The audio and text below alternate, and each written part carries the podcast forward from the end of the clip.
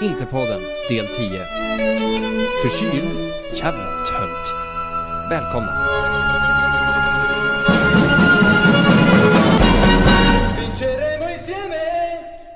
Jajamensan och åter som alltid välkomna till Interpodden. Vi är tillbaka efter två stabila segrar, delvis mot Sassuolo och eh, ödesmatchen i Champions League mot Borussia Dortmund.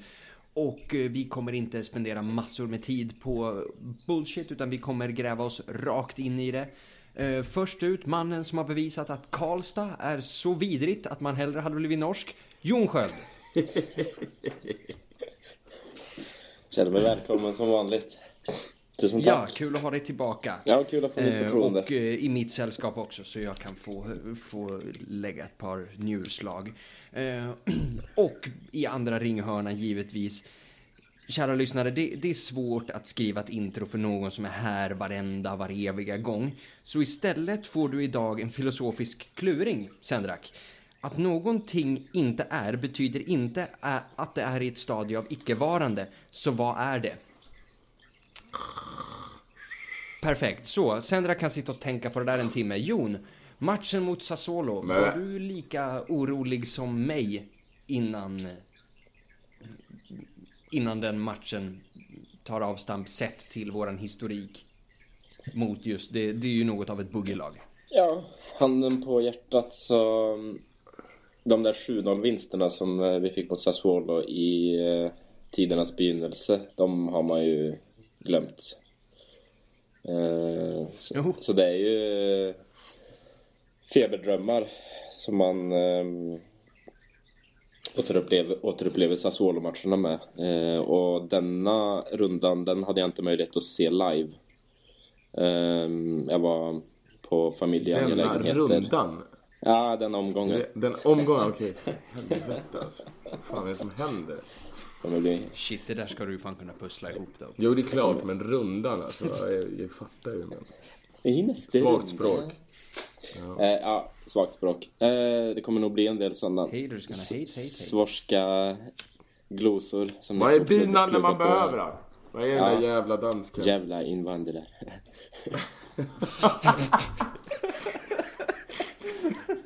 Boom! Från absolut ingenstans. Välkommen till podden, Eller- Kent. Där. Eh, Då har vi... Nej, som sagt. minuter in tog det. Det, som sagt, ehm, jag såg inte matchen live utan jag var tvungen att ehm, stänga av ehm, telefonen. Eh, Och det är invandringens fel, va? ja, det är mitt fel att jag invandrade till Norge och Oh, är i, är i lag med norsk. Nice Så- save. På, på familjeangelägenheter så prövar jag i vart fall eh, så långt det går då att styra undan fotbollen. Men det, det går inte alltid. Eh, I alla fall, jag såg eh, Själv matchen. försöker jag styra familjen undan fotbollen, men Ja, ja. Sån är jag. Så, så, så var jag till, till en tid och sen så kom det, sen så kom det barn i bilden och så. Sen eh, tappade man ryggraden lite grann. Ehm, Ja, nej, men jag hade en dålig magkänsla eh, inför matchen. Ehm, inte för att vi hade två raka förluster kanske, men det var mer på eh, de senaste årens insatser mot Sassuolo och den känslan av att Sassuolo har starkt självförtroende mot oss. Ehm, men det ehm, sopades ju bort vind för våg ganska snabbt. Jag tycker vi gör en eh, riktigt eh, stabil första halvlek. Även om vi släpper Ja, Ber- jo, men, och Berardi. det öppnas ju redan efter, efter en minut där med Lautaro Martinez. Så jag tänkte Sendrak, eftersom du verkligen älskar argentinare så tänkte jag att du ska få berätta lite. Hur, hur bra är han egentligen och hur bra, inte kan han bli, utan kommer han bli? Ja du, jag sa och för sig att, eh, att han bara hade en liten, eh, en liten formsvacka och att det var bara lite självförtroendebrist. Och sen skulle han explodera, vilket han ser ut att ha gjort. Så, och du som faktiskt har sagt länge att vi skulle glömma Dybala, det är ju fan, det är ett steg närmare för varje mål känns det som. Han är ju... Ja, det, det tråkiga är ju att nu har ju Dybala börjat spela fotboll igen. Ja, det... Jo, för Det är sig. lite synd. Men Martinez smäller väl ändå högre i, i dagsläget. Nu kanske man är lite färgad här. Eller väldigt, väldigt färgad. Men eh, Det kan ju vara att, det, att Mål mot Barca, Martinez har ju inte en Juve. portugisisk våldtäktsman i samma lag som Nej. överskuggar honom. Det också. Men eh, det här var ju hans bästa match. Måste man ju säga. Alltså, vad, vad hade han? Två mål och två fixade straffar. Alltså, han var ju egentligen överallt den här matchen. Och för att svara på din fråga, hur bra kan han, eller hur bra kommer han bli? Ja, men jag skulle väl säga att han blir... Ja, men topp fem forwards i världen. Det, Oj! det tror jag. Eller- Det var ju, det är ju mer än vad jag någonsin har sagt. Tror du? Som, liksom, som även Ja, satt och, vadå, är- satt och liksom kollade honom i Racing och grejer. Ja, men jag tror absolut att alltså, Det är lätt att ryckas med och det är, jag känner, är den första jag erkänner men alltså, Det finns ju så mycket där. Alltså, han kan Han är kraftfull Han, han är bra på att tajma eh, inläggen Han är bra i djupled. Han kan, ta, alltså, han kan slå sin gubbe, det vill säga det som Icardi alltid fick kritik för att han inte kunde göra. Utan han, har, han besitter ju det mesta och blir han bara lite mer klinisk så då känns det som, som sagt, han, han är en liten blandning mellan Agüero och Tevez. Alltså gammal Ja klassisk precis, argentinsk- Tevez. Jag tänker mycket på Tevez när jag tänker- ser honom. Ja, jag med. Fast jag känner, jag känner att han kan bli en bättre målskytt än vad Tevez var. Tevez hade ju... Det var väl... Eller... Tevez var i och för sig en ganska bra målskytt nu när jag tänker efter, men...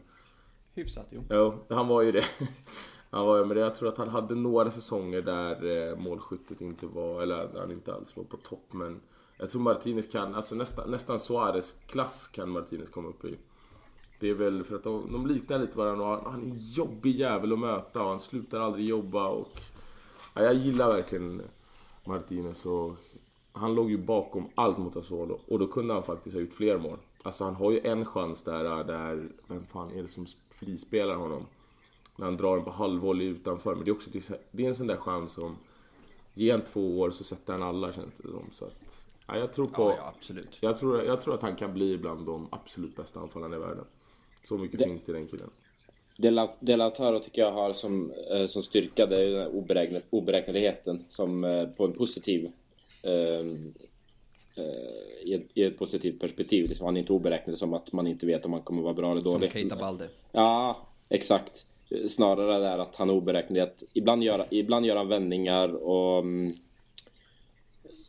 öppnar upp liksom eh, spelet i, i, med en mottagning, en eh, vrickning eller en kroppsfint eller någonting och eh, plötsligt bara oj shit kunde, kunde vi liksom anfalla eh, i, i den riktningen helt plötsligt. Det, mm, och det, ser, det man sett man såg det några gånger under förra säsongen. Borta mot Fiorentina gjorde han en sån sjuk vändning där det liksom från, ingen, från ingenting så blev det plötsligt livsfarligt in i straffområdet. Ehm, och Ja, precis, han gör ju en sån mot Dortmund också där. Den, den sitter ju tyvärr inte. Nej, Men, eh, nej. Men, men, men, det, men, han, men han, liksom, han har börjat ta, ta det in också i speluppbyggnaden. Han kommer ner, han möter upp bollen och en till synes omöjlig situation i uppspelet kan plötsligt göra att vi har två yttrar som löper i djupled och, och Lautaro kan Men skapa det tycker jag han hade en, den en där möjlighet. första säsongen. Alltså att, för det var det jag blev förvånad över. Alltså de kvaliteterna trodde jag inte han hade.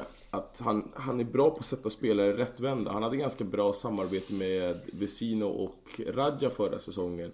I år tycker jag mer däremot att han utmanar mycket mer än vad han gjorde tidigare. Alltså, och det är något som också förvånade mig förra året. Det var ju som sagt hans timing i eh, huvudspelet. Och det har han fortsatt att visa upp den här säsongen. Så att jag, jag, han känns väldigt komplett. Ja, alltså, han, han är bra på alltså. det mesta och han, det är som du säger, han är bra, han kan, han kan sätta spelare rättvända. Han kan vända själv. Han kan gå förbi sin gubbe. Han är bra i djupled, alltså liksom, han, han avslutar med båda fötterna. Så att finns väldigt, väldigt mycket att ta av. Det enda som man blir lite så här rädd för det är att den här säsongen, gör han, säg att han slutar på 20 mål i år och 20-25 nästa år. Så då drar det ju han. Han kommer ju inte stanna alla Icardi i flera säsonger, det kan jag knappast tänka mig. Absolut inte. Utan och, han och det kan man inte heller gärna bli sur på heller. Nej, absolut han har aldrig lovat oss någon evig trohet. Och det liksom. är ingen spelare som lovar oss, från, alltså sen Zanetti slutade Kandi. Någonstans, alltså sen de här Bandiera-spelarna. Egentligen Han runt räknar inte ut Skriniar ur matchen än. Ja, Okej, ja kanske då. Men det är ju offensiva spelare som, och som framförallt är från Sydamerika stannar ju inte i Inter hela, hela sin karriär. Alltså är Barca och Real och knackar på dörren, då sticker man. Och det, Nej, det, förstår det, det handlar ju om timing samma där liksom. Det är sån... Nej, han, han, han lovar ju inte evig trohet eh, med det första, tror inte jag. Utan det hänger ju helt och hållet på vad Inter som, som lag och klubb presterar. Vinner vi titlar och blir liksom att räkna med i världstoppen igen så, så vet man aldrig. Då, då kan spelare plötsligt få... Men en, typ en Cristiano Ronaldo vann allt, drar till Real ändå. Så jag tror att när de där Jo, han vann, vann, han vann allt i Real och drog ändå. Alltså, han blev ju ja, ett varumärke på, på en egen nivå. Liksom. Men jag tänker från uh, United. United. Ja. Jag tänker från United, alltså han vann allt där och sen så mm. ändå så drar man. Alltså att när de där klubbarna kommer, då sticker jag. Och det är inget konstigt. Ja, om, om alltså, de har ett projekt, om de har, om de har något som är på G liksom att som, det, som, som Real har varit eh, förra säsongen och inledningen först denna säsongen där det har varit en del eh, knackigt spel och att de kanske är inne i lite av en generationsväxling som inte, som inte har kommit med det första. Det, det är inte säkert att han sticker första möjligheten han får. Men, men vi, vi bör ju vara inställda såklart på att eh, inte försöka det sluta, få det sluta som det gör med Kajdra utan att han klarar att hålla huvudet i styr och inte ballar ur liksom psykiskt. Nej. Precis, och då förlänga kontraktet nu och mm. i alla fall få upp den där klausulen ordentligt så att Inga jävla klausuler nu alltså. nej, nej, men han har ju en som ligger nu på 110 miljoner euro och den Oj. Eh, med dagens priser och vad han ja. presterar och framförallt hans ålder så kommer ju den den skulle nog den tvivlar jag inte på att någon är beredd att dega upp för, så den behöver ju försvinna. Alltså, det man ju rädd för är ju... 150-200. Ja, för det man är ju rädd för det är ju att Suarez faktiskt börjar komma upp till åldern och Barca kommer ju nog behöva... Eller de kanske I åldern, Cendrak. I åldern. I åldern, sorry. Hashtag SFI-lärare. Mm. Hashtag i sjöpunkten. Men eh. jag har, liten, jag har en liten sån känsla när jag ser, när jag ser Lautaro snacka i intervjuer um, och lite hur han för sig så får jag lite intryck av att han Jag tror han har tagit viss lärdom av uh, Icardi-gate, uh, Wanda-gate upplägget som var i fjol och han Jag vill tro att han inte är intresserad av att gå den samma vägen med att skapa en liksom personlig um, såpopera runt sig själv. Utan han är nog mer intresserad av att försöka få... Han, han, är, han, han, är, alltså han är ju i landslaget redan och är, sägs liksom vara en av de som anfallet ska bygga kring enligt förbundskaptenen och sådär. Den statusen har ju aldrig Cardi haft. Och det tror jag han, det, det, tror jag han är mån om. Att där gäller det att bli accepterad. Eh, inte bara för antal baljor på plan liksom. Vi pratar även... ju inte mycket, mycket Icardi längre, men jag tänker göra ett litet instick här liksom i, i relation till Icardi-gate och det här. Och det här är en liten påminnelse som vi, vi interister faktiskt måste komma ihåg. Och det är ju att vi kan ju helt fritt nu sett till hur det här urartade sig. Vi, vi kan ju spotta på Icardi och vi kan spotta på hans fru och på hans agent och på hans hundar. Men det betyder inte på något sätt att Maxi Lopez inte är ett svin. Det verkar folk ha glömt. Det här, Maxi Lopez var ju ute i, i eh, jag vet inte om det var i media eller på sociala medier eller vad han höll på med, men eh, och sa att jag har förlåtit Icardi och så skriver han någon kommentar. Eh, tack för att han tog Wanda ifrån mig och så vidare. Det här är fortfarande, alltså, det här är fortfarande inte värdigt för en vuxen förälder. Alltså så, igen, fjant. Alltså, hel, vi kan tycka att hela familjen Icardi kan, eh, kan liksom gå och dränka sig. Men Maxi Lopez är fortfarande en gris, är fortfarande en ärkesopa, fortfarande för dålig för att någonsin ha spelat i Barcelona och fortfarande fucka honom. Okej. Okay. Intressant så, sidospår. Bara att vi håller två saker i huvudet liksom. Ja, välkomna till Föräldrapodden och Jämställdhetspodden. ja, jo, jo, nej men det, det, det behöver man liksom lite så här värdighet och jämställdhetsfrågor och eh, sådana här grejer. Det behöver man fan slå lite grann på. Ja, det är viktigt att påminna sig själv ibland.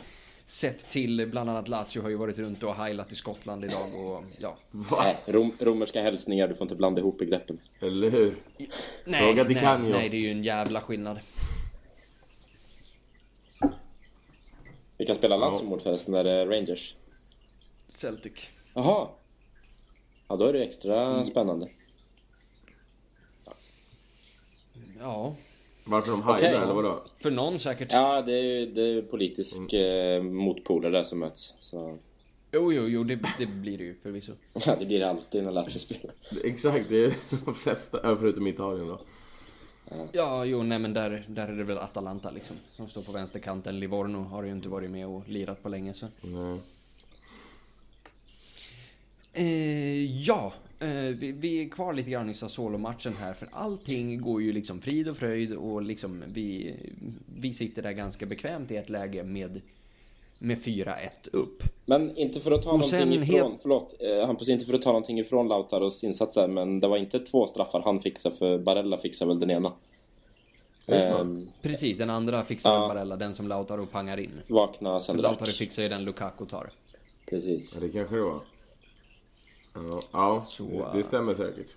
Forts fortsatt. Skäms, Sendrak. Ja, det, det gör jag. Dishonor on you, dishonor on your cow. Eh, ja, men eh, så vi sitter ju där 4-1 i ganska i lugn och ro. Och så helt plötsligt kommer eh, Durdecic, Urdecic, Boga, Boka, Boja, vad alla heter. Caputo. Caputo. Ja, och från ingenstans börjar de här spelarna som man bara, vem? Och, och dribbla igenom femman. Är det, eh, Jon, skulle du säga att det är liksom prestationer, individuella prestationer från Sassuolo-spelarna eller har vi bara helt gått och lagt oss? Lika mycket individuella prestationer som kollektiv eh, eh skitnödighet, skulle jag vilja säga, från, från laget. Alltså, du, du ser eh, när, när vi sätter 4-1 på straff så är Conte så jävla nöjd. Eh, och börjar liksom redan nästan, det ser ut som att man börjar instruera. Okej, nu, nu är det reträtt, nu lägger vi oss liksom. eh, Nu ska vi bevaka det här och nu ska vi spara på energi inför Dortmund-matchen. Men, men jag, alltså det är det där som Be- Berardi som trivs så otroligt bra mot Inter. Um, Caputo också en sån spelare som jag alltid känner eh, när jag ser eh, Sassuolo spela så är han liksom giftig. Och nej alltså det, bara, bara, bara försvaret liksom. Det är det där Helt plötsligt så slutar man att jobba som ett kompakt zonförsvar. Eh, klarar inte ens man-man, klarar ingenting. Eh, alla bara liksom agerar med sån eh, kramp liksom. Så eh, jag, kan, jag kan inte se för mig att vi hade släppt in liknande anfall i inled, inledningen av matchen när vi hade självförtroende på topp och gick framåt liksom. Men det, det är ju lite typiskt. Right. Sendrak, Lukaku. Du, eh, du och Sia har ju ert bett gående här och eh, det ser ju inte superljust ut för dig så här långt får man ju säga. Nej. Tror du jag blev glad när Lukaku gav bort straffen eller? ja, jo. Fair enough. Ehm, men det här målet han gör, han sätter ju sin första från straffpunkten. Men målet han gör, det andra. Det är väl det här vi har köpt honom för. Ja, alltså det såg ju ut som Adriano i sina bästa dagar. Det var ju som att han... Han blåste ju bort försvararen. Det var liksom, han försökte verkligen ta sig runt. Han försökte ju med allt. Men Lukaku bara står där och... Ja, typ, liten lätt knuff och sen så var han borta. Så att, ja, alltså... Och igen, jag vill vara tydlig. Jag vill ju torska det här valet. Alltså, jag gillar ju Lukaku. Han är, verkar ju vara en så oerhört sympatisk kille. Ja. Så att... Eh, det ska ni ha. Sen så ska ju, vi komma in på matchen sen, men Lukaku, var han sämst på plan mot Dortmund? Ja, det är ju... Ännu en stor match där han inte lever upp till till, eh, vad heter det, ryktet. Och det är ju framförallt där jag har kritiserat honom, att han är inte, han är inte avgörande i, i de stora matcherna. Och det bevisar han inte minst i United. Men han ska få tid, jag tänker inte döma ut han och nu pratar vi trots allt valet här med Sia. Så ja, det ser inte så jävla bra ut för min del, men Vadå, vad har han gjort? Fem mål Fem. Ja. på åtta matcher? Ja. Ja. Ja, det får vi se nu. Esposito kanske, kanske tar hans första plats här. Precis, Eh, vi kan, vi kan ju glida in lite grann i Dortmund-matchen här också. Ja, men- vi kan ju egentligen börja i den änden då. Men jag tycker att Sebastiano Lukaku... Esposito. Ja, men får jag bara fortsätta Lukaku bara lite snabbt. Men jag tycker att han var riktigt bra den här matchen. Jag tycker det är väldigt fint också av honom att ge straffen till eh, Martinez. Alltså vem hade To be fair så har ju Martinez gett en straff till honom innan, men... Gjorde han det i första, första straffen? Första straffen är ju Martinez som, eh, som fixar fram och det är Lukaku Men som tar. ja, fast fixa fram behöver inte betyda något. Det är ändå en Nej, första straffskytt. Vilket är märkligt för att han har ju bytt där. Alltså, Lukaku började ju, han gjorde ju första mot Cagliari. Sen gjorde vi, mot Juve gjorde Martinez mål.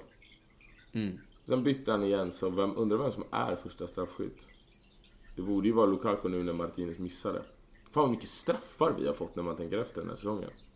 Ja, det är... Sjukt många straffar.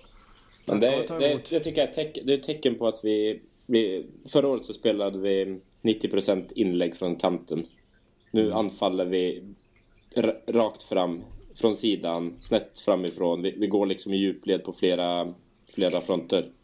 Så det är inte, det är inte onaturligt att vi, att vi kommer med lite fart in i straffområdet så är, vi ju, så är det ju chans på, på fler straffsparkar också. Ja, det, det finns ju en sekvens i gårdagens match där jag tror vi har fyra spelare i straffområdet, en precis utanför och en som ska skicka in ett inlägg. Jag kommer inte ihåg exakt vem det var, men det är liksom... Sådana situationer såg man ju knappt förra året.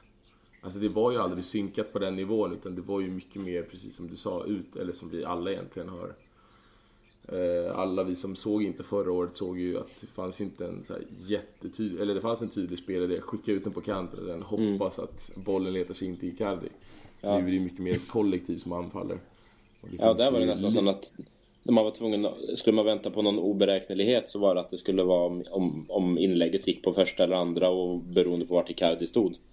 Ja, det- Eller om Perisic kanske en individuell prestation eller Radja. Ja. Men nu Ja. finns det ju helt andra linjer i spelet och det finns ju Ja. ett, alltså det finns ju ett synk, ett eller anfallsspelet är synkat på ett helt annat sätt. Så. Ja, och så har vi fler alternativ. Vi, kan, alltså, vi har en mycket större bredd i hur vi kan spela beroende på matchbilden och vem, vilken motståndare vi möter.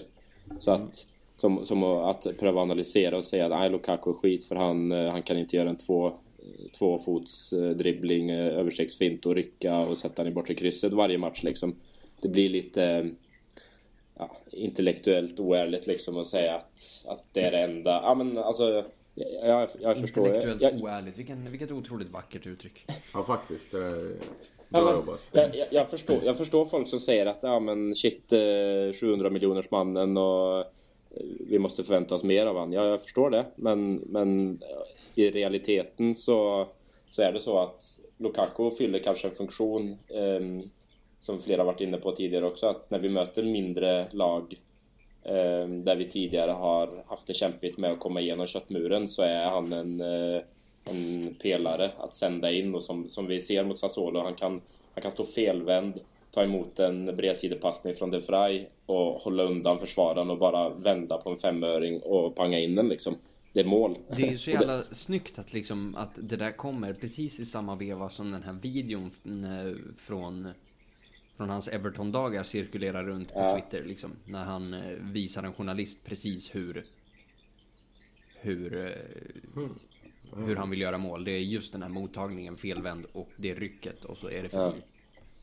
Ja, men, Ja, det är ehm, men, men, men vi vet, alltså då vet vi det att eh, ja, han, har en, han har en styrka och han erbjuder en kvalitet som vi kan använda oss utav. Och sen om han inte är en fysisk eh, spelare i den bemärkelsen att han kan löpa en mil varje match och spela alla matcher på hela säsongen och alltid göra ett till två mål eh, rättvänd i full fart och dribblingar liksom. Ja, men då, då, då är det inte så vi använder honom liksom. Nej, nej men och, och hur många sådana spelare finns det i världen? Det är fan få alltså. Nej, Ronaldo, den riktiga Ronaldo har lagt av för länge sedan. Så det, Ja, jo men exakt så. Så där sitter vi och det är ju något vi bör komma ihåg när det kommer till, till Lautaro också. Likväl som vi bör komma ihåg det med, med Lukaku-värvningen. mm. vad hade vi egentligen för alternativ? Nej. Ja, vi kunde ha tagit Alltså- Ante Rebic då. Ja, jo men... Nej men så fort Real gick in och, klick, och knyckte i Luka Jovic där väldigt tidigt under, under säsongen då, därefter, det är ju ganska snålsått med liksom riktigt bra forwards för stunden. Som vi kan ta också. Det liksom... Exakt, jo men och de här som är liksom riktigt top of the line, de börjar bli till åren också liksom i Luis Suarez och Edison Cavani och Sergio Agüero och så vidare. Fint att du ändå tar två uruguayaner, så det är bra Hampus. Börja lära dig. Ja, jo men, men det, det är väl liksom... Det när man är jag bäst i har svårt världen. att komma på vilka, vilka andra man ska nämna liksom så här. Ska vi, så här, Rashford? Nej, Are you fucking kidding me? Alltså, ja. bara, bara för att få, få ge en United-smäll på näsan sett till hur mycket de sitter och hetsar om Lukaku. Alltså om Marcus Rashford hade lirat i, jag vet inte fan, eh, Stoke City, West Bromwich Albion, Watford, vad som helst. Alltså, killen hade varit värd 15 mille och 76 ratad på Fifa. Alltså, ärkesopa. Nej. Riktigt dålig. Riktigt dålig. Jag hade gärna tagit en Rashford-diskussion med dig, men inte idag. Skit i han. Vi kan- Vi kan ta det någon annan gång. Jag, jag håller absolut tänkte, inte med. Jag, jag Men, just tänkte på Rashfords mål mot uh, Bulgarien härom veckan och sånt. Ja. Ja men Jesus Christ, Bulgarien. Alltså vad fan, om, om vi hade tagit ett par cigg och en shot så hade vi också sänkt ett par mål på Bulgarien, snälla. ja, det blir, ja, det blir lätt. Ja, men eh, vad tyckte ni? Eh, En grej jag hade en liten spaning fan från matchen igår. Vi spelade ju... För att första halvlek så... Det var ju lite tillknäppt. Det var ju som att båda lagen någonstans, i alla fall så som jag analyserade matchen, de hade, de hade nog tänkt sig att... Alltså vi hade ju nog tänkt oss att Dortmund skulle sätta lite högre press på oss. Nu Ja, det- jag, var, jag hade förväntat det garanterat. Jag var helt Ja. säker på att de skulle storma fram. Ja, och sen att vi kanske också skulle sätta lite högre press. Det var en väldigt... Det var som en väldigt tillknäppt tillställning och... Vi började, alltså det var som att det, vi blev nästan lite ställda av att de var så passiva och jag såg mig, alltså jag tyckte mig se igår att vi spelade klart mycket längre igår och mycket rakare. Alltså vi gjorde ju inte den... Alltså vi gick ju inte i samma fälla som vi gjorde mot Sparta Prag. Men nu blev det ju så att Dortmund satt ju bara kvar där nere. Så att vi skickade ju, alltså till en början, vi kom ju inte alls till en rätt. Alltså målet kommer ju från en långboll och det är ju för att de står och sover, alltså deras vänsterback. Tror jag det är som uppe över så Står och sover.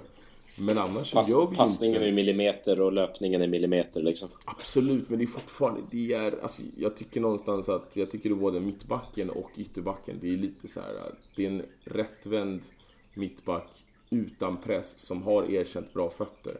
Alltså då, måste, då kan man inte bara titta boll eller. Sen är ju Nej. självklart passningen perfekt. Det, är, det går inte att säga något och du har rätt löpning på det. Men ytterbacken får aldrig stå nedanför mittbacken.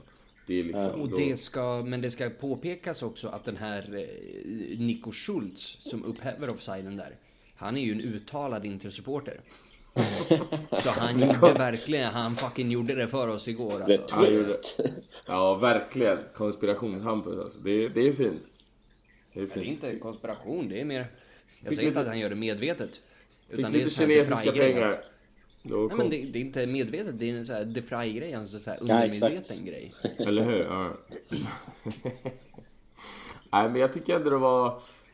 Tycker det var intressant ändå att se att Conte skruvade lite på grejerna. För att jag har inte sett oss i alla fall spela så här rakt sen han tillträdde. Och det var, det var absolut mycket längre bollar. Men det, alltså, bortsett från att det var längre bollar. Det jag, tänk, jag, jag tänkte på det där du säger att det liksom är tillknäppt och att vi spelar så lågt. Ehm, I uppspelet så var det sådär. Dortmund stressade. De spelade fan femman i backlinjen. Fyra mittfältare och en ensam forward. alltså. Ja, Ja, det var och- jättemärkligt. I, I uppspelet så var det, fan jag tror vi bollade Godin, De Frey, Skriniar fram och tillbaka som fyra, fem gånger innan vi kom upp till mittcirkeln. Bara tog liksom en meter, två meter i varje ehm, passningsrunda där liksom. Men det var ju det, vi Och blev ju så kommer vi upp till mittlinjen. Då ska vi börja ha lite löpningar och rörelse för att liksom försöka luckra upp. Men det kändes som att, alltså Go- Godin, Godin hela tiden bara nej nej nej ta det lugnt, ta det lugnt, spela tillbaka. Alltså han, han styrde så jäkla försiktigt hela tiden tillsammans med Brozovic. Ehm, Ja, men det, det, Det det känns som att den här matchen vinns, den här vinns på, på bänken. Det är liksom fighten mellan Conte och den här Favre som, eh, liksom, som avgör den här matchen. För i all ärlighet, Dortmund har fan kna- knappt ett skit på oss. Nej, de har ju knappt det. Det är ju det där äh, i slutet på första halvlek va? ja. Som är igen den- Handanovic. Alltså han gör ju en bra räddning men jäklar men han vad han inte bra. flyttar över. Han står Alltså, inte bra där. Nej, och det är Hade det samma skottet sak varit mot lite Sassuolo. hårdare så hade han aldrig klarat att ta det. Ja, men det är mot Sassuolo likadant. Det är mot Juve också. Alltså hans placering när han ska flytta över till eh, närmsta stolpe. Alltså han, han kom Mm. alldeles för långt in känner jag. Det har han gjort nu i, vad det, tre raka matcher och det är lite oroväckande faktiskt. Men eh, annars så, det, är- det är precis som du säger Hampus, alltså nu när man tänker efter. De har ju, de har ju ingenting egentligen Dortmund. Alltså, är, Nej, och sen ska det ju sägas att de saknar Marco Reus och Absolut, liksom självklart. viktiga pjäser framåt, men fortfarande. Men ändå, exakt, de var, att de var så... Jag tror också att de, de spelade ett spel som de inte är vana vid. Och nu får ni gärna någon rätta mig om jag har fel, om det är någon som har tittat Dortmund och kanske visst har spelat så här ofta. Men eh, det Dortmund jag känner igen, det är ju ett lag som jobbar full fart i pressen över hela planen. Och det gjorde de inte alls och de blev ju jättepassiva, vilket vi lyckades... Samtidigt så kommer ju de hit, de kommer ju till matchen med förutsättningar att om de håller en nolla där så är ju, så ja, är ju deras chanser eh, till avancemang otroligt goda. Absolut, absolut, absolut. Men om jag har förstått det rätt så är den här Favre alltså att han... Han har episoder i säsong, eller perioder rättare sagt, i säsonger. Där de är otroligt bra, men sen när det väl gäller så... Så brukar han vika ner sig. Och Jag tror att han har gjort det i mer än en klubb. Och här kanske det är ännu ett bevis på att han försöker skruva upp saker. Skruva lite på saker och sen så blir det bara fel istället. För vi blev ju, alltså Sparta Prag sprang ju sönder oss. Det trodde jag, det, det var väl det jag kände, det var ju det man var orolig för inför Dortmund. Att de skulle också springa sönder, precis som de gjorde mot Barca när de möttes i första matchen. Och nu istället så ger de ju oss, alltså vi, vi möter ju den här typen av motstånd hela tiden, de som sitter lågt. Det här är vi vana vid. Och till andra halvlek så såg man ju direkt att det var ju en helt annan fart. Det fanns ju, så det fanns ju en mycket tydligare plan för hur vi skulle tackla motståndaren. Så att jag tycker Conte, Conte börjar lite svagare. Men sen så, sen så löser han det. Och otroligt kul att se han som vi pratade om precis, men Esposito. Alltså jag, jag höll ju på att bli Precis, tokig. ja. Jag, Varför? jag tänker att vi ska, vi ska gå in där Ja. lite, lite djupare där. Ja, För. Börja senaste nu. gången jag hade såna här känslor för en pojke så fick jag inte bo bredvid skolor längre. eh, och... Eh, Hur fan. Ditt jävla psykfall. Pedofili. Ja, så. ehm, det, och det är ju väldigt lätt när man ser en sån här spelare att liksom bli lite carried away. Vi har alla tänkt liknande saker om Samuel Elongo back in the day, Federico Bonazzoli, Andrea Pinamonti, Ray Manai, kommer ni ihåg den jäveln? Eh, Ja. och Sebastian Ribas. Ja, okej nu går vi way way back när vi pratar om Seba Ribas där. Ehm, likväl som Marco Livaja och så vidare. Just det, just det. Men, Jon, den här, den här killen, han, han är något, han är annorlunda mot de här andra som jag har nämnt, eller hur? Ja, ja det alltså har du, har du, har man suttit och kollat på ungdomsspelare i Inter fram tillbaka till Balotelli så kan inte jag säga att jag har sett någon spelare som har varit i närheten av Balotelli före Sebastiano Esposito. Uh, och de matcher jag såg i fjol med eh, italienska landslagen han har spelat för och ungdomslaget. Det, ehm, Vad i helvete, hur mycket fotboll kollar du egentligen? Ja, verkligen. Ja, Jon, det känns som att vi ska syna den här det är bluffen alltså. När man får kids då är man plötsligt hemma väldigt mycket. Eh, då har man tid. Mhm, Eh, right. mm, Ska vi syna hans bluff nu här? Man kan inte Du, resa du spenderar ingen av, den, ingen av den tiden hemma med kidsen då eller? Eh, jo, men de sov ju klockan sex på kvällen. Vilka italienska landslag är det du refererar till här? Typ U... Eh, U- U- U17 och Ja. U19 har han väl varit med också tror jag. Ja, ja. Eh, Ska vi, till, men- nästa, till nästa vecka så ska jag kolla upp lite resultat. Får vi, ska vi få höra det? Ja, det jag, det jag fastnade för i fjol i alla fall när jag såg, det var ju, det var ju hans fot, högerfot. Alltså fem, fyra, fem, sex grymma frisparksmål alltså. Inte bara sådär 20 meter utanför och knorran över muren liksom, utan han skjuter fan mig bort till krysset från 25-30 meter. Um, men sen, um, det, det, alltså vi ser när han kommer in, uh, vart på plan i vadå en minut och får en boll ut på kanten och ska dra en elastico utanför, rätt nedanför kurva nord. Ehm, den funkar ju inte, men, men bara liksom att han, han han prövar att spela som han har spelat i eh, Primavera-laget. Eh, och, när han, och när han spelar med de yngre spelarna så är han ju så jävla överlägsen. Han hoppade väl in i, han hoppade väl in i, var det U17? För han spelade ju egentligen ursprungligen bara med Primavera-laget i fjol. Men han hoppade in i U17 när de hade liksom semifinal, final för att liksom hjälpa dem eh, till titel liksom. Ehm, och det, det blir som när du slänger in en 12-åring bland 9-åringarna eller någonting på, på knattefotbollen. Hur överlägsen var han? Många mål Nej, han? jag, jag, jag tyckte bara liksom att det, det, det, det märks att han tränar med A-laget och har spelat matcher på den nivån liksom. Eh, Och det är det som gör att han utvecklas så otroligt fort. Eh, Han, men ser, då så han har han ju det ser... här, det är alltså, vi, han ordnar fan fram en straff mot Mats Hummels. Det är ingen dussinlirare det där. Ja, ja. Och är helt, och är helt ehm, ödmjuk inför det också efteråt när han blir tillfrågad om det. Så är det som bara, ja, jag vet Hummels, det är en bra spelare liksom. Och jag... jag han bara Vunnit VM-guld. Ja, han, och han, säger, han säger det i intervju också liksom att han har fått eh, han har fått en ödmjuk, eh, ödmjuka, eh, vad säger man, Värd- värdier eller vad säger jag? norska, norska. Värderingar, kanske. Ja, Värderingar. Eh, ödmjuka värderingar och en liksom ödmjuk inställning det har han fått från familjen hemifrån. Och det har han tänkt att fortsätta med säger han. Så att han säger det, han, han läser inte tidningar och så vad som skrivs utan han, han fokuserar på. Det är just det här som vi inte har haft bland många ungdomsspelare tror jag som har kommit upp tidigare. Eller stjärnor eller vad man ska säga. Så kallade stjärnor som tror att de är stjärnor när de kommer till Inter innan vi satte ner foten och började liksom markera att det är dags att börja tänka på laget. Jag tror han... Eh, Jo, men man, inte- man gillar ju det där. Även, även vad heter det, Nicolo Barella är ju så här. Barella ja. Samma Alltså, sak. han är ju Sensi också också. gift och kids och killen är typ 21, 22. Mm. Så, ja.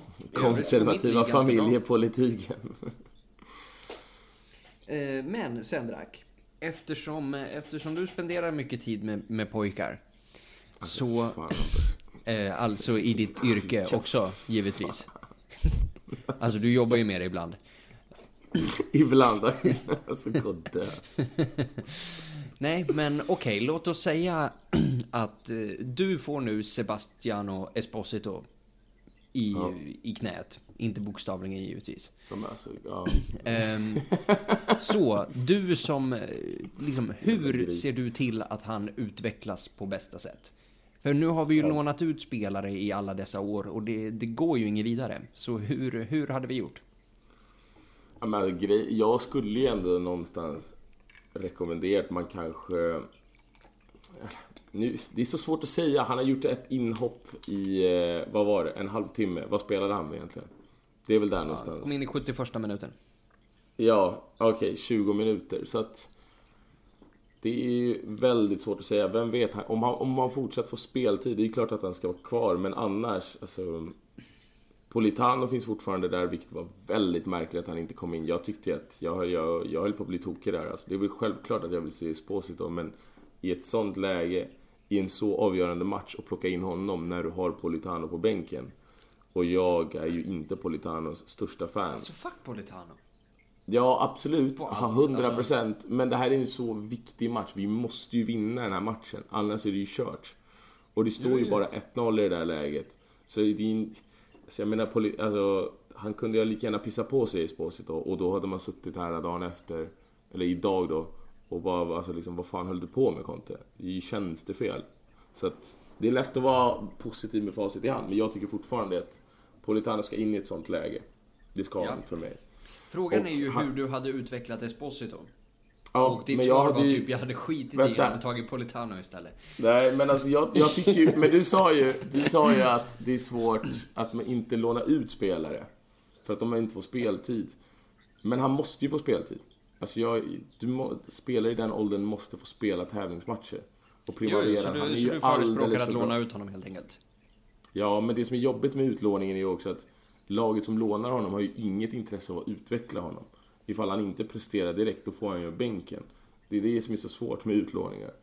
Så att, men någonstans, ja, han Ja, måste... och jag sitter och börjar, jag har ju börjat undra liksom hur, hur bra utvecklas du egentligen om du går till till exempel Lecce och ska spela med Kuma Babakar, Lucioni och Marco. Calderoni. Nu, shout out Marco Calderoni för den, eh, den bollen mot Milan givetvis.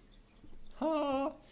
Men det är väl Ehm, klart att du gör, alltså mentalt om inte annat, att spela ett bottenlag, att inte få jaga boll hela tiden, att måste vara effektiv så fort du får den, prestera de få chanserna du får. Alltså att jag tror att det är supermycket, men det viktiga är ju att han kommer till en klubb som verkligen uttalat säger att han kommer att vara vårt andra eller första alternativ. För att annars finns det ju ingen poäng. Då kan jag ju lika gärna sitta på bänken hos oss.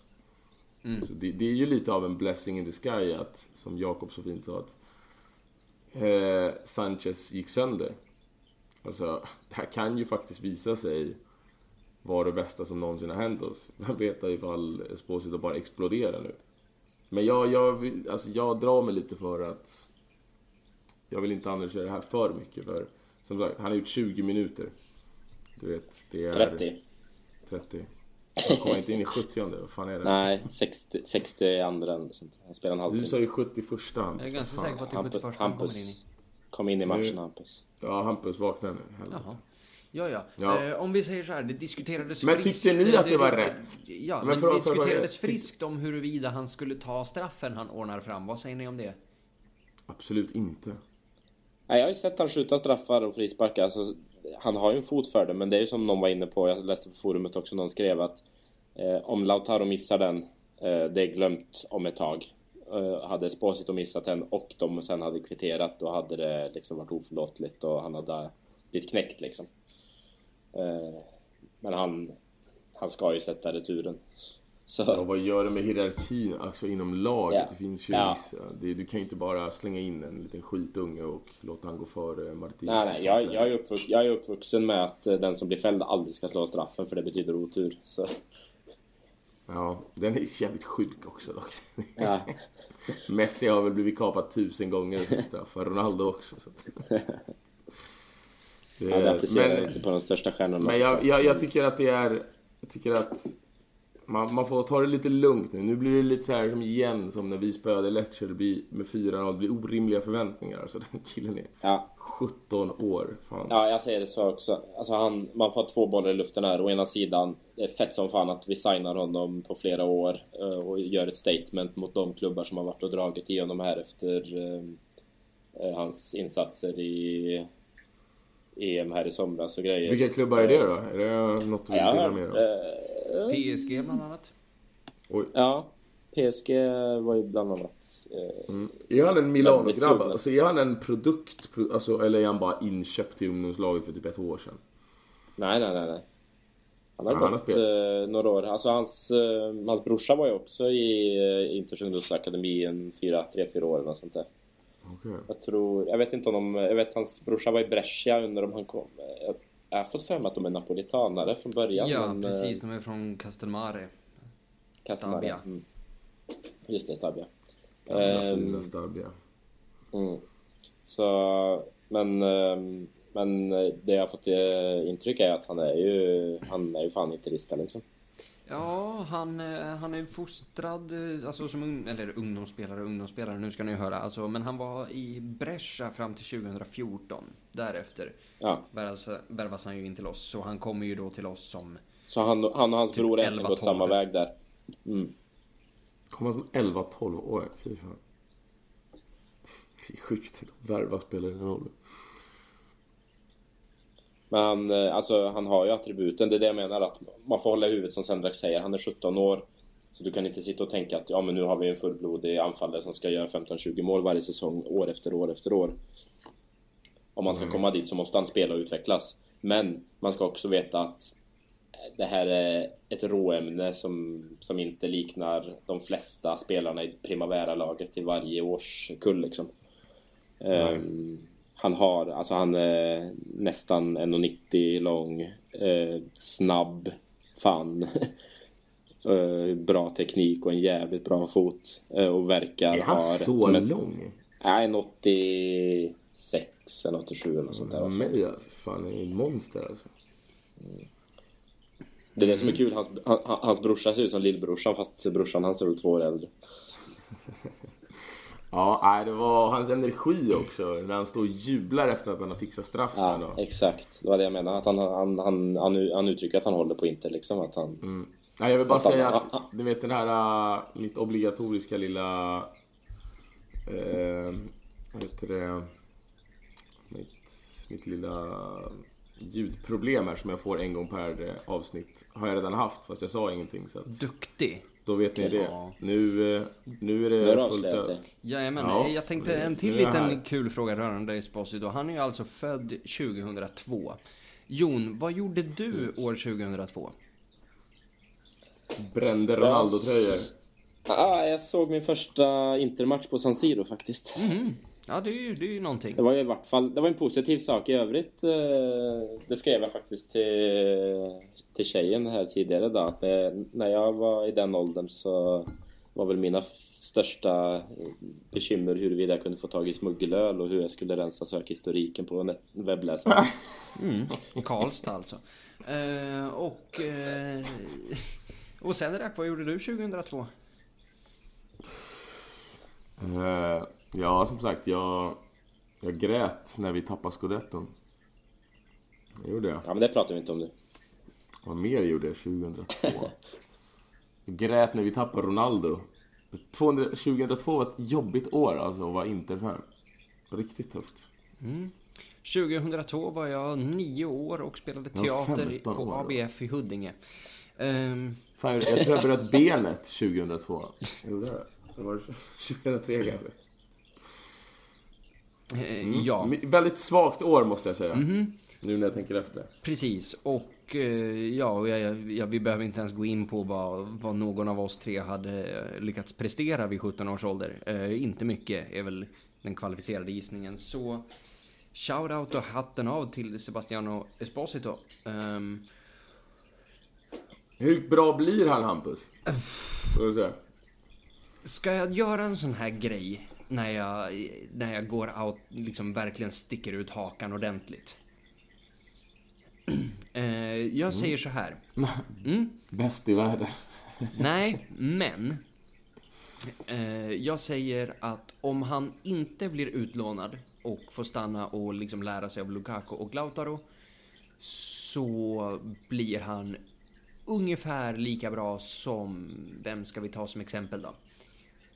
Alltså, ja men då, då blir det en, liksom, en Christian Vieri typ av klassspelare liksom. Wow! Ja.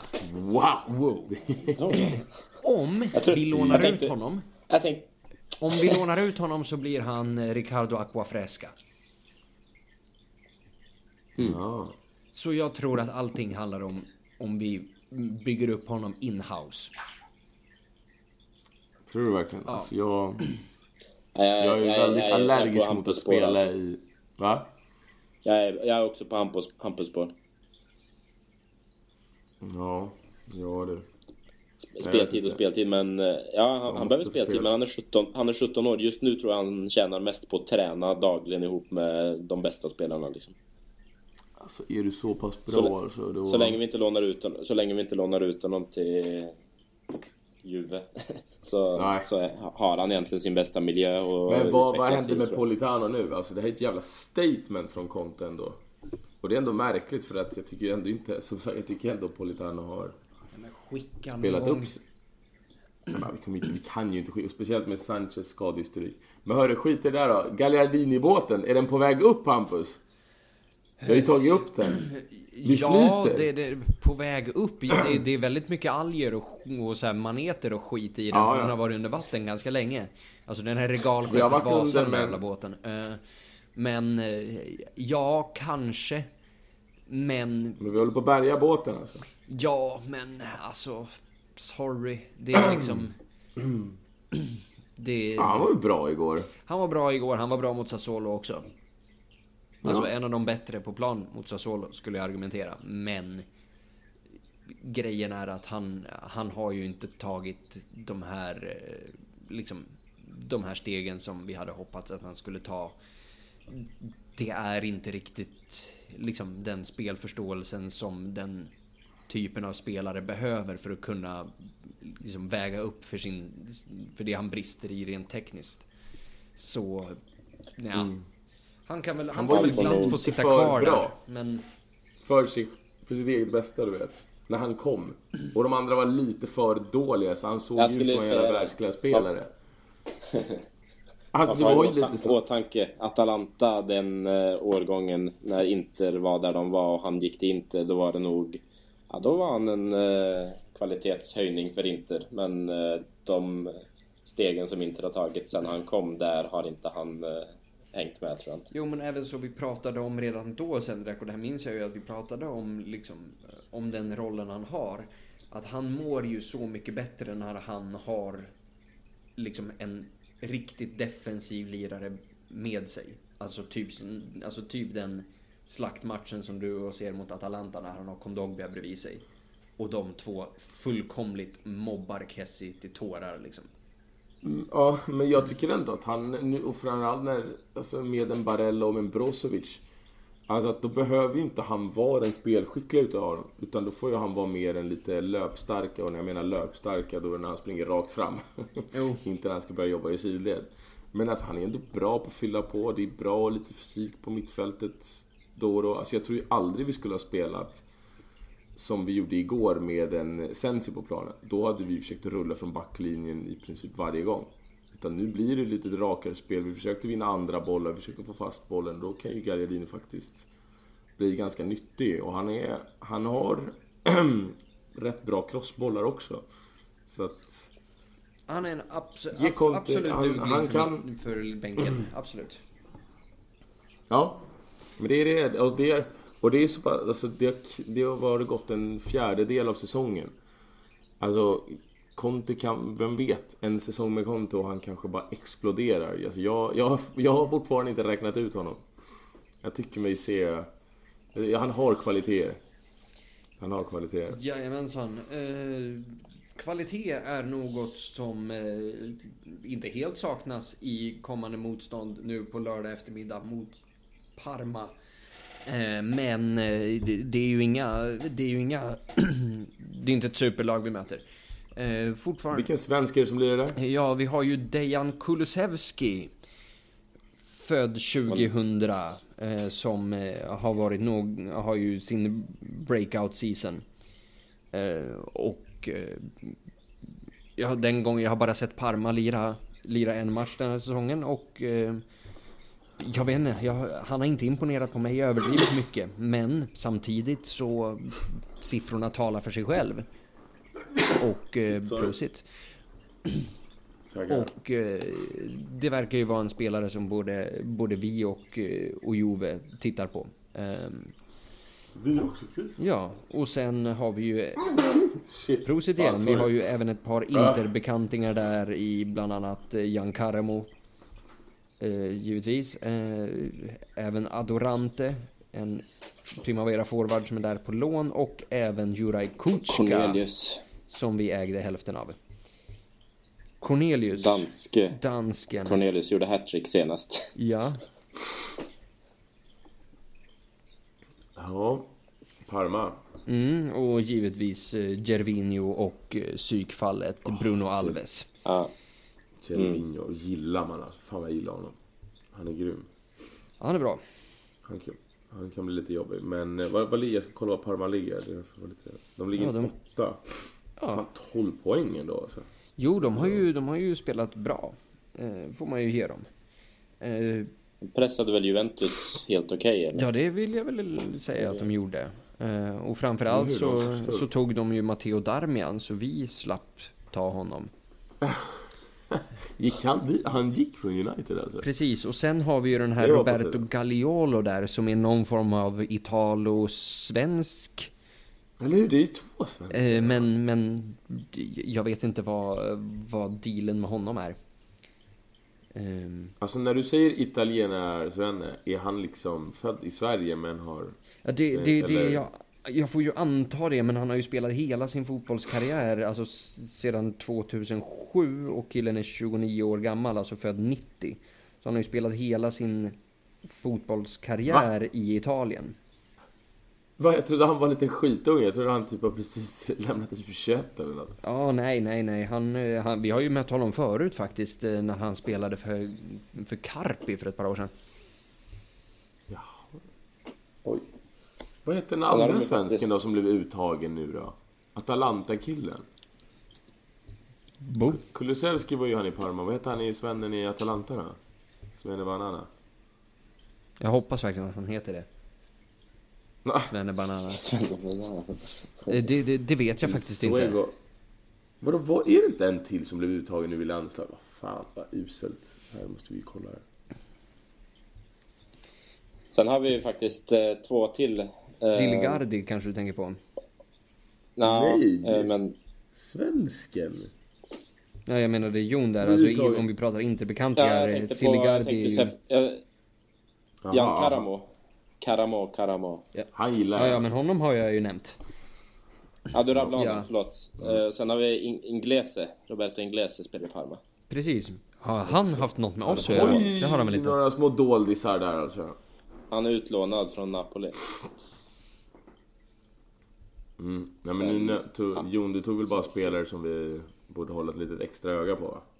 Ja, jag rabblar ju... Nu pratar jag inte om svenska, nu pratar jag om Parma. Men... Ja, det är det jag eh, menar, men inga kopplingar till Inter, det var det Hampus menade. Nej, Precis, det är de jag har suttit och rabblat här. Vi har rabblat varsin kategori nu, det har blivit Exakt, klart. sjukt bra synk just nu. Ja, men då skulle, jag väl, då skulle jag väl säga Gaston Brugman då. Nu, för nu börjar jag prata om vilka som är snygga och inte. Det, det låter vettigt. Ja. Men... Eh, det är Parma kan... Par, alltså, fan. Var det inte... Vi kryssade väl mot dem förra året hemma? Gjorde vi va? men förlora hemma på det jävla skit offside målet från Ja, eh, och det var någon jävel som brände... Di Marco. Ja, och så var det någon som brände öppet mål i sista sekund, var det inte så? Jo, jag tror Nej, vi skulle haft en straff. Vi skulle haft en straff för hands och sen gjorde de mål hands. på övertid. Så, Straffesparken han nu. mm, Men, och så vann vi bortabanor med Knuligt av 1-0. domen. Lautaro Martinez. Ja. fy fan! Ja. I'm looking for the continual transfunctioner. Eh, J- nej men, Men Jon, ska vi, för ska vi vara, har vi har grund för att vara oroliga för de här eller? nej. Eh, Inter i år inte Inter i fjol. Eh, det är min hypotes. Precis, de saknar ju även lite spelare här. Alltså Monari och eh, Siligardi är avstängda. Inglese är skadad. Vincenzo Laurini Ja. skadad. Även Bruno Alves skadad. Ja, det är ändå ganska många. Men nu är det ju så, vi har kommit precis tillbaka från Champions. Det är veckoomgång. Finns väl ändå risk för eh, lite rotationer.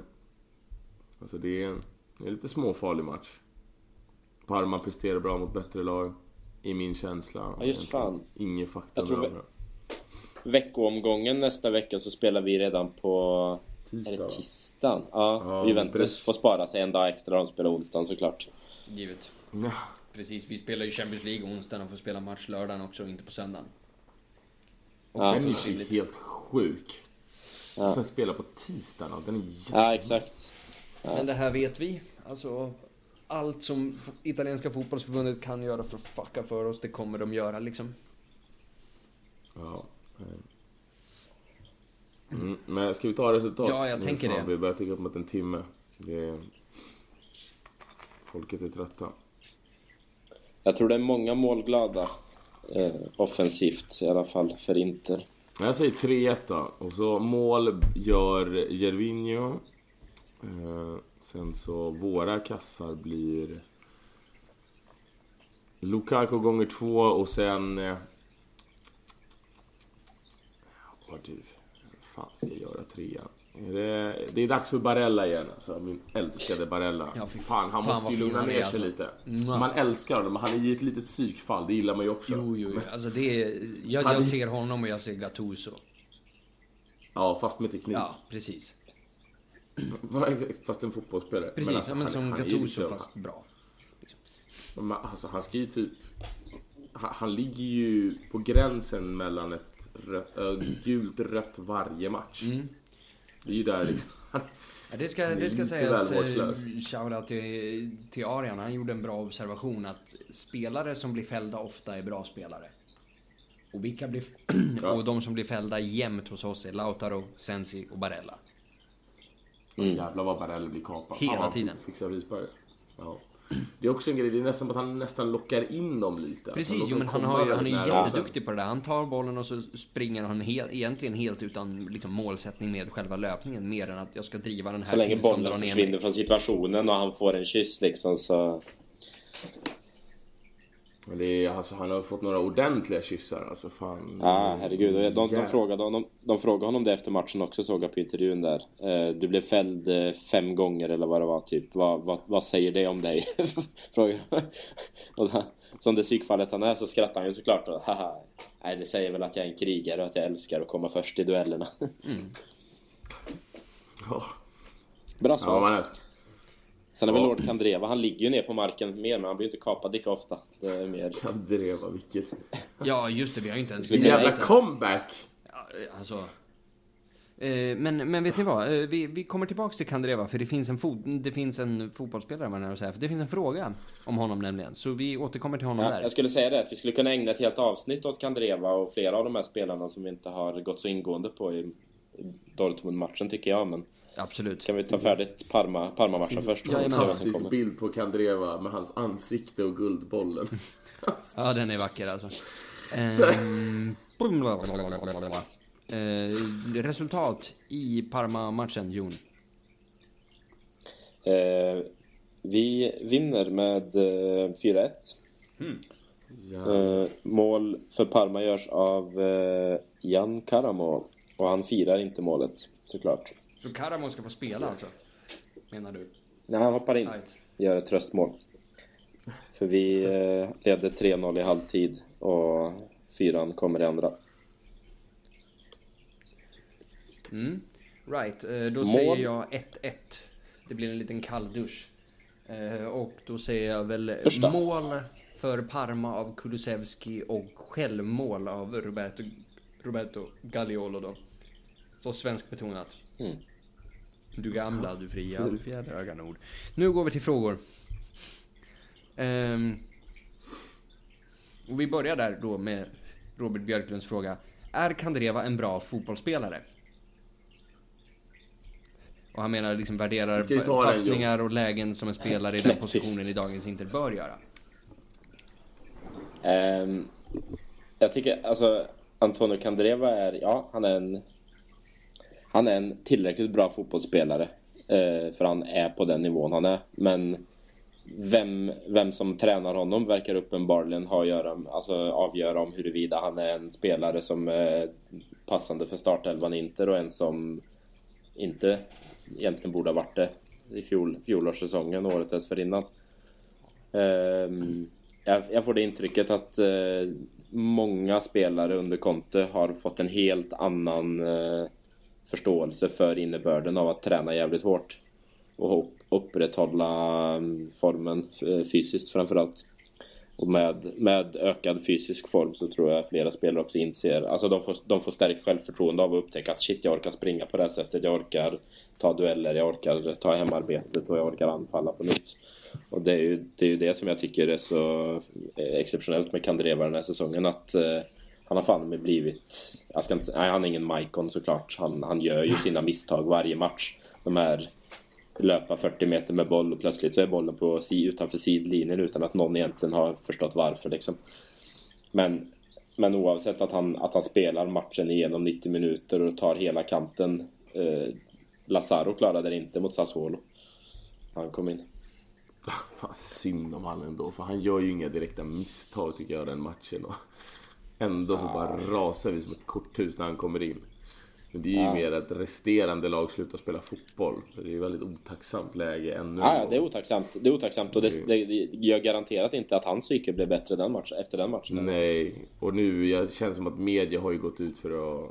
De ska ju bara slakta honom, precis som de gjorde med Kondogbia. Så att de, de, det är som att de nästan jobbar i maskopi och ska bara förstöra den här värvningen också. Men det, det, det vet vi att att de gör. Vi vet vilka som äger median. Liksom. Det, är, det är Berlusconis Milan-grabbar. Som har stora delar av Ja, det där det- i Gazettan och, och Men det är, någon, det är alltid någon spelare varje säsong som de märker att har en liten trevande inledning och sen går de bara ut och slaktar. För att jag menar, ja, han gjorde ju ingen superinsats när han kom in men alltså allvarligt. Det var ju resterande nio gubbar ute på planen som, eh, och då tänker jag inte Handanovic då som att han inte springer ändå någonting. Men de slutar ju bara springa. Så fan, vad fan ska han göra? Man kan inte skylla allting på honom. Han fick ju ett lite uselt betyg, vilket jag, menar att de har, de har gått in för att slakta hans interkarriär nu. Jo men och där, är- det, vill ni ha ett strålande exempel på det så kan vi ju tala om så, så är ju Lukaku ett perfekt exempel hur media har pratat om honom. Att det där är en floppvärmning och värvning och så vidare bla bla bla bla, och han är så dålig och är hans touch jävla sjukt. Ja, och liksom killen har fem mål. Cristiano Ronaldo har fyra i Serie A. Piontek! Vad fan, alltså shit. Boom, boom, boom. Ja, alltså Ja men sop, sop, sopa. Ja, men- Alltså, det det. mörka spelare, nyförvärv i Inter. Tyvärr men alltså det är fan Kondogbia försökte de slakta. Lazaro, Dalber och nu Lukaku alltså. Rasister och sen eh, mörka spelare i Inter. Så det blir ingen bra kombo det här. Nej, så Eh, Fake news, fake Han är news, fake förlorad. news. Så det är faktiskt på riktigt den här gången. Um, Sendrak, du ska få en fråga om Diego Godin.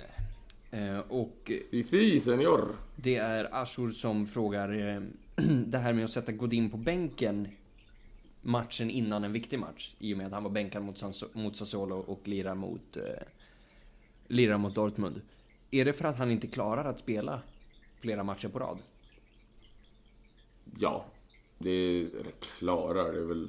Han har ju han har haft långa säsonger med Atletico. Han eh, lirade landslaget i somras. Han gjorde det sommaren innan också i VM. Lirade Så- väl och även under var- landslagsuppehållet här. Ja, exakt. Men hade, och där han han hade väl varit en smäll? skadad. Ja, Ja, han han hade väl varit inte han en smäll mot Juventus han klev av Exakt. för han hade någon eh, fotskada, en lätt fotskada, någon vrickning och eller han startade ju säsongen på läktaren också. I och med att han var lite skadad där. Så att, Ja, muskelskada. Ja, så att jag tror att Conte skyndar långsamt med honom. Så att jag tycker att det är helt rätt. Det är ju väldigt smart av Conte faktiskt och inte, och inte köra slut på honom. För att han, han är ju också, vad är, han? han är väl 87 va, så att han är väl 32 Han är väl där 32 där. någonstans. Någonstans. Eller Eller han han kanske till och med 33. så Så att att det går inte att spela, att spela varje match, varje match i den här åldern. Och jag tycker han gör helt rätt. Som faktiskt vilar honom. Yes, Jon. Plus att det är kul att få se att lite se Bastoni och Bastoni och Esposito nu också. Fan vad fint det är nu alltså fint va? Det- Fint det var inte Ja, verkligen. Det är, Ja, det är verkligen det det. är en skön säsong så här långt. Skön säsong så här långt. Vi återkopplar Ja, vi har- Vi återkopplar om det december. i Ehm, december. Ehm, Då kan ju du Jon Då få kan fråga om du din landsman här också då. landsman här också då. Ehm, Haaland Eh, som backup undrar som Mikael. backup undrar Mikael. I- Ehm, jag- Alltså hypen Du får gärna- om vi bara, om i vi bara går på målfarlighet. Om vi bara går på målfarlighet så har väl han säkert gjort det bra ifrån sig men... eh, det är ju... 19 mål på 13 matcher typ. Det är- hyfsat. Ja. Ja, ja. Men... ehm, men Vet men alla vem vi pratar om? Jag, jag kanske Ja, eh, norsk forward i Salzburg alltså. Salzburg Eh, alltså. Mm. Eh, Bjöd ju Napoli på Bjöd ju Napoli på ett mål som blev bortdömt och ett som han bombade in på straff ett tror som jag. Mm. Ja. Ja. Säger ett mål mot Liverpool och... Alltså, helt jävla monster den här killen alltså. Stor utav helvete är han Stor också. utav helvete är han också. Ja, han ser ut som en, en fan. Viking för fan. Ja. Ja. Sen ser han lite halvdum ut också. Mm. Men alltså, vad tänker han i så fall som backup? Är, behöver vi en backup just nu? Nu har vi... Det har ju Nu har vi Sposito, Sposito. han skulle bli Ja, bäst i världen. Ja, men orsaken till att Esposito får chansen, det är ju... Det är ju för att Sanchez inte är med. Hade Sanchez suttit på bänken så hade ju inte han kastat in Esposito. Nej. Och eh, Sanchez är borta i tre månader och så ska han komma i form och träna upp sig och allt det där. Det, det, känns, det känns rätt logiskt att det är Esposito som eh, nu får sin möjlighet att eh, testa lite matchning. Inte att han kommer starta matcher tror jag inte men... Alltså Lukaku har haft vissa fysiska besvär med några ryggproblem och Lautaro kan inte spela 90 minuter varje match i både liga, Champions League och sen när italienska cupen drar igång. Zlatan spelar aldrig 90 minuter, han blir alltid 90 tycker jag. Ja, men nu körde han ju mot Borussia. Ja, han var inte mot Dortmund då, men annars är alltså, han är Ja. den som alltid har blivit bytt av forward. Ja, ja. Yes. Men- Eh, Men vi- Lite oroväckande, förlåt, men lite oroväckande faktiskt. Lukaku är så slät figur i en stor match. Alltså. Det är, Ja, det tål att säga. och det har du sagt gånger. sagt Eh, Vi tar många den sista Eh, frågan vi om tar den sista idag frågan om handlar om idag Esposito. Jag handlar tycker om att vi har Esposito. Jag täckt tycker det att vi har ganska täckt bra. det ganska Så vi bra. tar den sista frågan Så från vi tar den sista Mohammed. frågan från Eh, Om vi tar oss vidare Mohammed. Från Om vi tar oss gruppen vidare från hur gruppen i långt kan vi verkligen gå långt och kan vilket vi verkligen motstånd gå tror ni och skulle vilket ta motstånd stopp tror ni mot? det skulle ta stopp mot?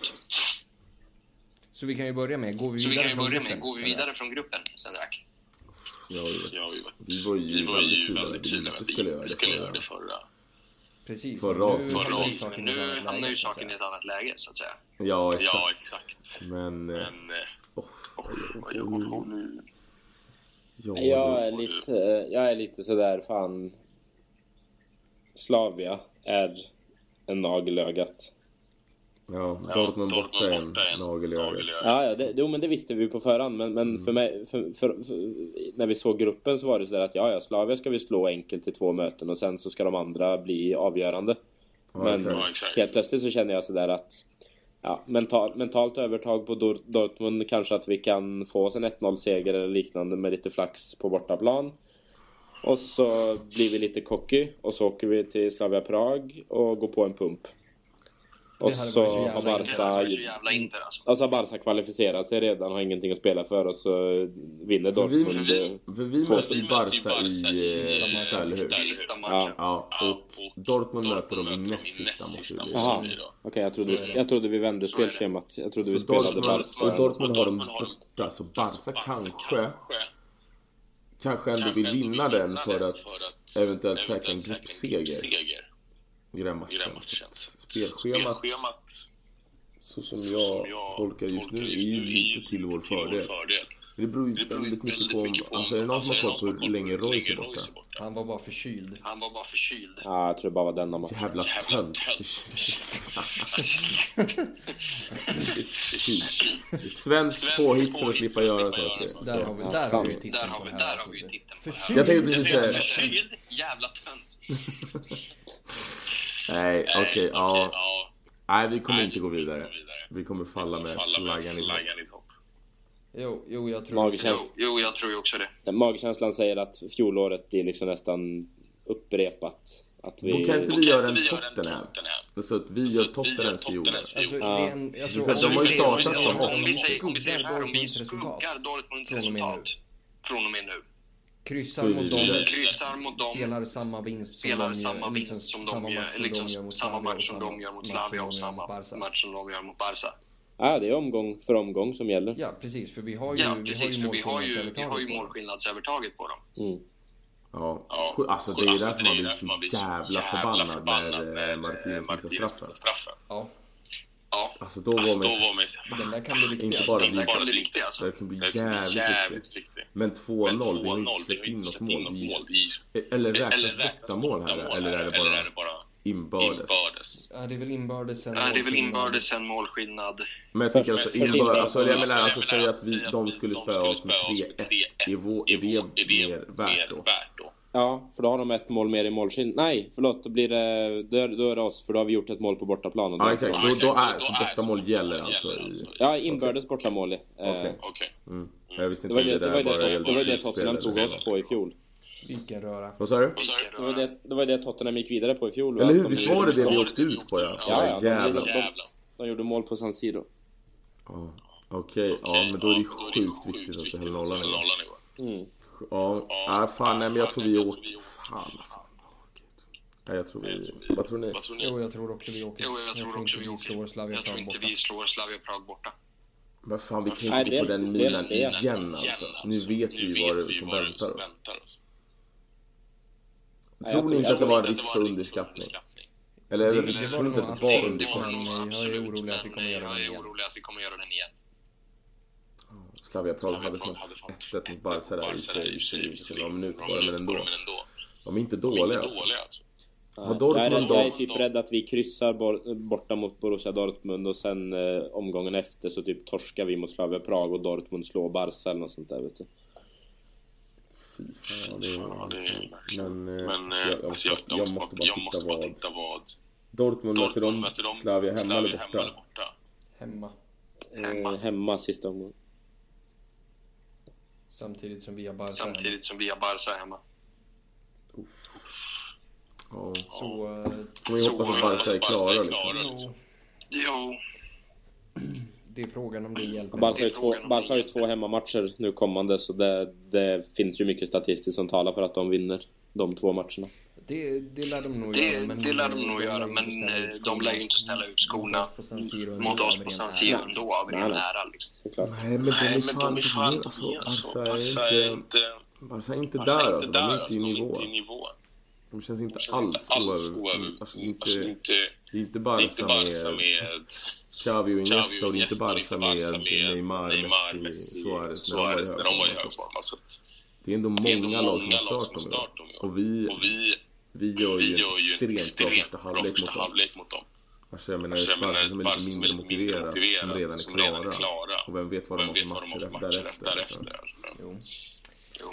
Den som lever Ja, det får ser se. klart ljusare ut. ljusare helt enkelt. Ja, nu är det dags att sova. Det tycker jag också. Det tycker jag Eh, Stort också. tack till Eh, Jon och stort tack som har varit till med. Jon och Tack till Senderak som har alla varit er med. som har Tack lyssnat till och alla er som har framförallt lyssnat till er som har och delat framförallt mer till er av som har frågor delat och mer av tankar. frågor och Eh, tankar. Vi är tillbaka nästa vecka efter fighten mot Parma. Och tills dess, Forza Inter. Forza Inter. Forza. Barca inte. Ciao.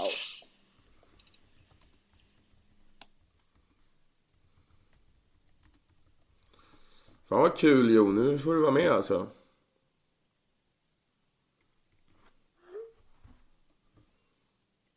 Ja.